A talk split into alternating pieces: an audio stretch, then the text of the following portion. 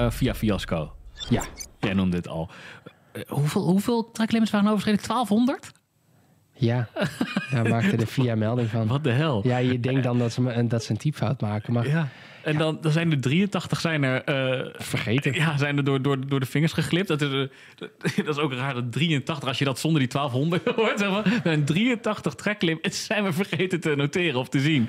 Kijk, kijk, je moet niet vergeten dat, dat de FIA, wat dat betreft, eh, vergeleken met de miljardenbedrijven die de F1-teams zijn, zijn de, is de FIA, vooral de stewardsafdeling, is wel een klein groepje mensen. Dus zij hebben gewoon, dat hoorde je Albon en Sargent ook zeggen na, na de race, ze, de, de stewards hebben niet de middelen om het bij iedereen te, te checken. Maar als je het niet kan controleren bij iedereen, misschien is het dan niet handig om daar een regel voor in te stellen, toch? Nee, ja, exact. Maar goed, uiteindelijk, het- is natuurlijk mega pijnlijk dat één, de FIA dus zelf niet doorheeft dat ze gewoon een x aantal straffen vergeten.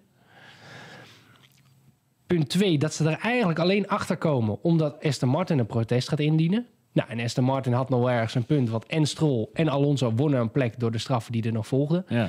Eh, Dus zou maar zeggen, stel je voor, zij zonder vooraan hadden ze dat nooit gedaan. Dat al ten eerste, weet je. Dus dat is ook en als zij eh, zelf die straffen ja. hadden gehad, dan natuurlijk ook niet. Nee, nee. Ja, Maar de, de, de straffenlijst, ik ga hem er even bij pakken, Ja. die, die is, wel, eh, is wel shocking wat ze gewoon zijn vergeten. Eh, kijk, ik, ik vind Sainz Hamilton, ik, ik heb ze net al genoemd.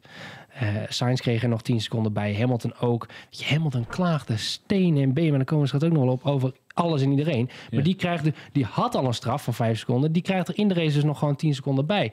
En nou goed, laten we daar verder schat over gaan hebben. Die kregen gewoon nog één bij. Gasly nog een 10 seconden penalty, waardoor die eh, van 9 naar 10 ging. Sainz en Hamilton verloren trouwens ook allebei een plek. Alonso ging naar 5. Norris ging naar 4. Oh, Sainz is Die- twee plekken kwijt. Hamilton verloor een plek aan Russell. Dus Russell die niet door Q3 heen kwam, of niet door Q2 heen kwam, hem. verslaat Hamilton gewoon Ja. nog. Eh, die die, die eh, de hand boven het hoofd werd gehouden, de Wolf. Albon kreeg er nog één. Nou, die was al bij de punten. Nou, de, de meest shocking is natuurlijk Ocon. Daar zijn ze gewoon even Ja. 30 seconden aan penalty vergeten. Wat de hel? Maar dit, maar dit is de helft van de git, hè? Dat, dat, Ja, bijna. nou, dus, dus dan Ocon, dan heb je nog Sargent nog 10 seconden. De Vries kreeg er ook nog even 15 aan zijn broek, waren zo vergeten. En Tsunoda kreeg er nog 5, want die had er nog niet genoeg gehad in de race.